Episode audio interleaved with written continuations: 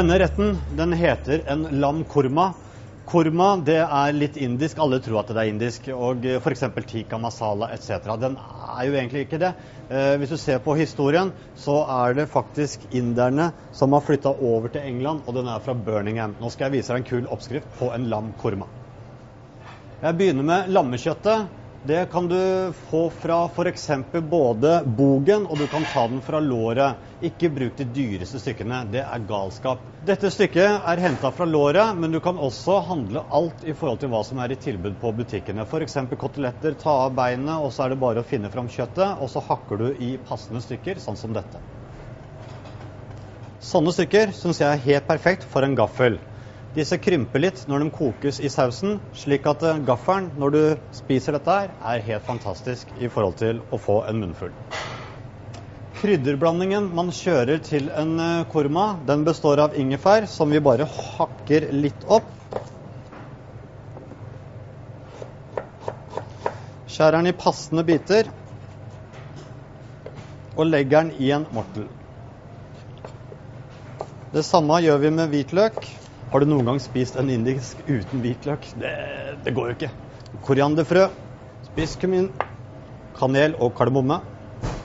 Hvitløk, salt og ikke minst, dette bestemmer du selv hvor mye den skal inneholde. Jeg syns det er kanonviktig at det skal ryke her sånn, og ikke minst bli litt svett i panna når man spiser en kormarett. Tilsetter det og begynner å knuse. Sånn som dette er, passe knust. Denne blandingen tar jeg da oppi kjøttet, som jeg tilsetter olje. Og så tar jeg resten av krydderblandingen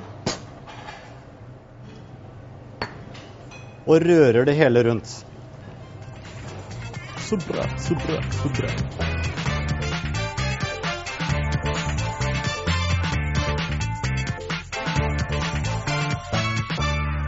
Da skal vi begynne å steke denne retten, for så å koke den i ca. kvarters tid etterpå, slik at lammet blir mørt. Måten man gjør det på, er som følger.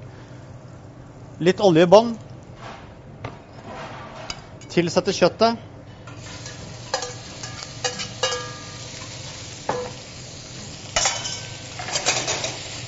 Når dette her blir rørt godt sammen, krydderet går inn i kjøttet, og ikke minst også over i oljen, så tilsetter du da en god skje tomatpuré.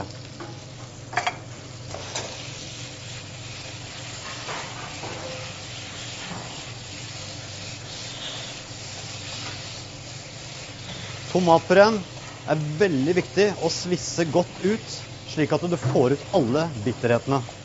Så går vi over på litt naturell yoghurt. Naturell yoghurt bør alltid ristes før du heller den oppi, fordi at eh, nå er syren på toppen, og så er yoghurten i bånn. Det gjør man som følger. Da er vi klare.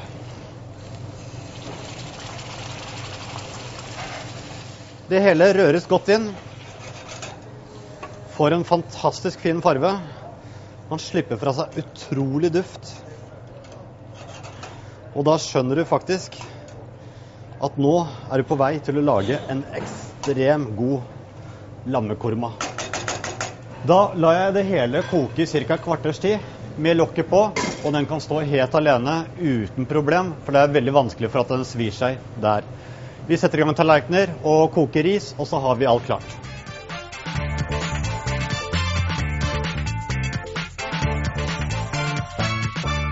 Da er vi ferdig med lamkorma og ferdig med risen. Risen får du ikke se oppskrift på, fordi at hvis du ikke klarer å koke en ris, da har du et problem. det er veldig enkelt. Nå har man til og med sånn bag in box, er det ikke det det heter? Boil in box. Eh, hvor du har ris som er ferdig, du kan bare putte hele posen oppi. Den er eh, for så vidt veldig veldig god hvis man eh, gjør det sånn som man står på posen. Men du får den aldri så luftig sånn som man gjør det på den ordentlige måten. Det er bare vann. La det fosskoke. Når den er ferdig fosskoke, la den absorbere i ca. 2-3 minutter. Litt salt, litt grann smør hvis du ønsker den der typiske indiske smaken. De bruker alltid smør i. Røre rundt. Klar til å servere. Nå skal vi legge opp. Det jeg gjør nå, det er å trøkke risen nedi en fin form Du kan gjerne bruke en kaffekopp. Du kan bruke egentlig hva som helst, bare den passer middagstallerkenen din og er en passe porsjonsstørrelse. Risen er passe tråkket ned. Og så legger du det hele opp med å gi den et puff. Lamkorma. Åh, kjenn den duften, da. Når du ser at kameramannen begynner å sleike seg rundt munnen, da har du og er på det riktige sporet. Litt salat, og ikke minst koriander. Koriander og litt indisk-engelsk, det er viktig. Det jeg sier så, er vel bekomme.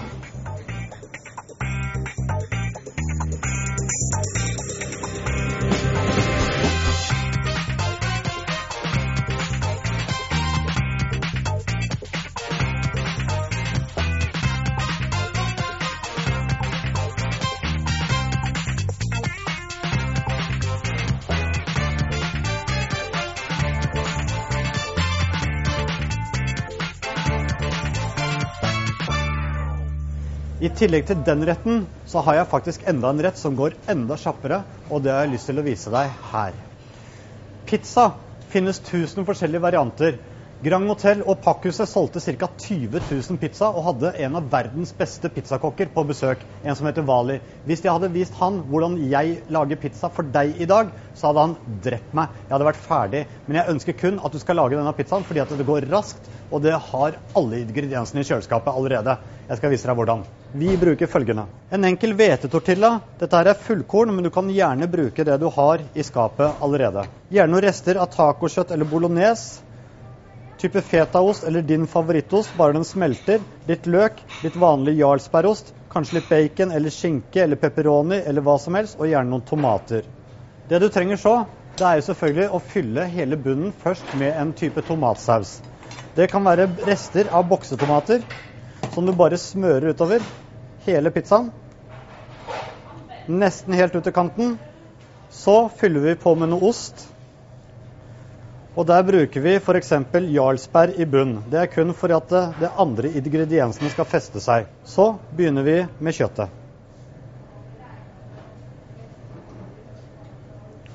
Litt bacon. Gjerne litt løk.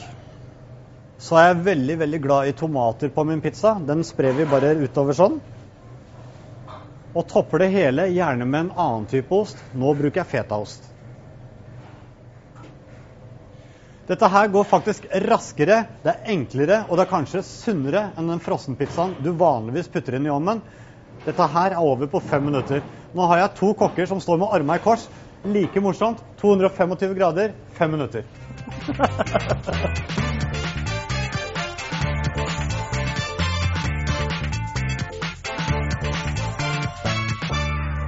Mens pizzaen står i ovnen i fem minutter, så har vi da fem minutter faktisk til å lage en veldig god hvitløksdressing.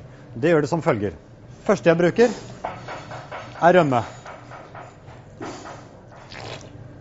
Litt timian, litt basilikum. Finhakke det sammen med litt hvitløk. Salt, chili, litt sitron. Det hele putter jeg da oppi rømma. Mikser det hele med en master. Hvitløksdressing. Ferdig. Da begynner det å lukte pizza. Jeg tipper den er klar.